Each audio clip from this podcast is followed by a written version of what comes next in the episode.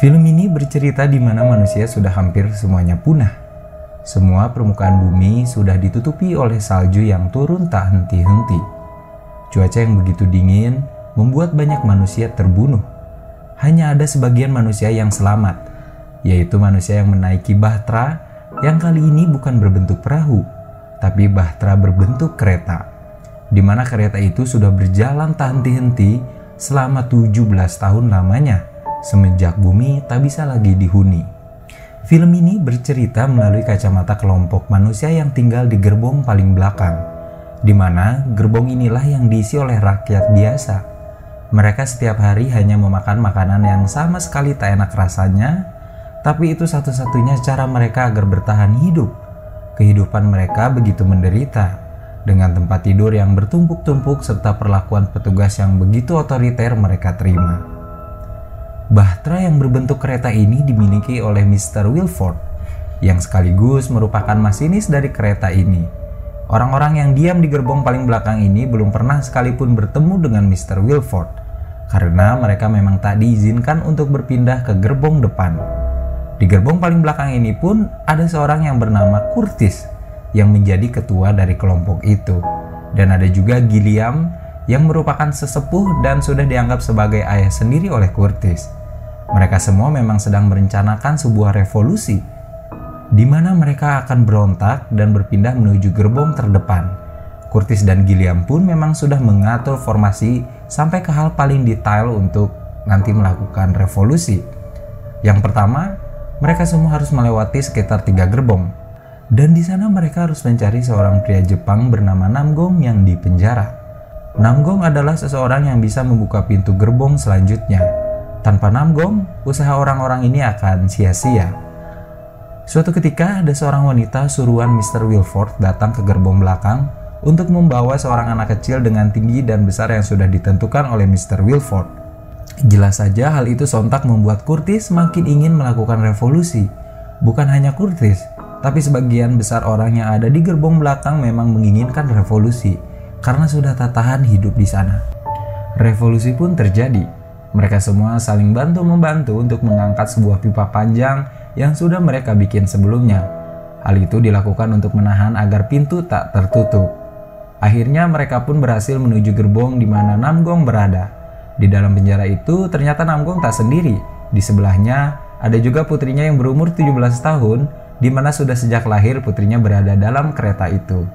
Namgong dan putrinya menginginkan imbalan untuk membantu mereka membuka gerbong yaitu sebuah kronol. Kronol sendiri adalah sebuah limbah industri yang bisa membuat halusinasi. Akhirnya mereka semua pun sepakat akan imbalan Namgong. Pintu gerbong pertama Namgong buka, tapi di sana tak ada siapa pun. Orang-orang sudah melarikan diri ke depan. Tak lama kemudian sinar matahari dari luar masuk ke dalam bahtera kereta itu melalui jendela. Di luar sana, mereka semua melihat keadaan daratan yang sudah lama mereka tak lihat. Di luar masih beku, Salju masih saja terus turun menutupi semuanya. Tak ada yang tersisa di sana, hanya sebuah beberapa tanda di mana manusia pernah hidup. Gerbong selanjutnya akan dibuka. Tak lupa Kronol Curtis berikan kepada Namgong dan anaknya. Di gerbong itu ternyata tempat di mana makanan yang setiap hari mereka makan diproduksi. Ternyata makanan itu berasal dari sampah dan sebagian ikan busuk yang kembali diolah. Jelas hal itu membuat Curtis makin murka akan apa yang terjadi. Sekarang mari kita melihat gerbong selanjutnya. Cukup lama Namgong mencoba membuka pintunya tapi tetap saja tak terbuka. Saat sudah terbuka, ternyata di sana sudah ada banyak orang lengkap dengan senjatanya masing-masing. Di belakangnya ada wanita yang memerintahkan itu. Wanita itu bernama Mason. Baku hantam pun dimulai. Saat semua telah usai, Mason berhasil disandra oleh Curtis dan berjanji akan membantu Curtis dan yang lainnya untuk menuju gerbong terdepan, di mana Mr. Wilford berada. Kemudian perjalanan kembali dimulai.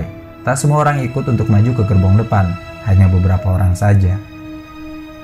Saat pintu dibuka, sekarang kita akan diperlihatkan bagaimana di gerbong itu penuh dengan tanaman hijau. Keadaan di sana begitu jauh berbeda dengan gerbong tempat Curtis dan kaumnya berada. Mereka semua keheranan. Ini adalah pertama kalinya untuk mereka melihat tanaman lagi semenjak bumi dilanda kepunahan. Gerbong selanjutnya, kita akan melihat sebuah akuarium besar layaknya SeaWorld di Taman Impian Jaya Ancol. Tapi ini di dalam kereta. Mereka semua terpesona dengan apa yang mereka lihat. Di sana ada sebuah restoran kecil yang buka hanya setahun dua kali dan hanya menghidangkan sushi.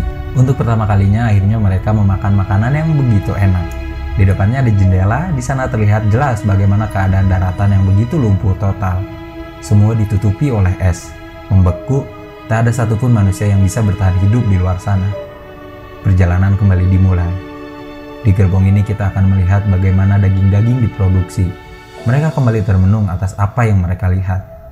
Sekarang kita beralih ke gerbong selanjutnya. Di sini ada sebuah sekolahan di mana anak-anak dididik. Mereka semua begitu memuja Wilford layaknya Tuhan. Beberapa tahun sebelumnya, ada beberapa orang melarikan diri dari kereta dan akhirnya berakhir membeku. Anak-anak, Curtis, dan lainnya pun diperlihatkan akan hal itu. Di luar memang begitu berbahaya bagi siapa pun manusia yang menginjakan kakinya. Mari kita melanjutkan perjalanan kita ke gerbong selanjutnya. Di sini ada kamar-kamar enak dan nyaman yang mungkin saja itu adalah pesanan orang-orang kaya. Di gerbong selanjutnya ada restoran bintang 5 lengkap dengan makanan mewahnya. Gerbong selanjutnya, kita akan melihat sekumpulan orang yang sedang memanjakan dirinya. Curtis dan teman-temannya memang harus buru-buru sampai ke depan, karena di belakangnya mereka terus diikuti oleh tentara Wilford yang selamat dari serangan revolusi beberapa waktu yang lalu. Setelah terlibat pertempuran, teman Curtis semua mati, dan yang tersisa hanya Curtis, Namgong, dan putrinya.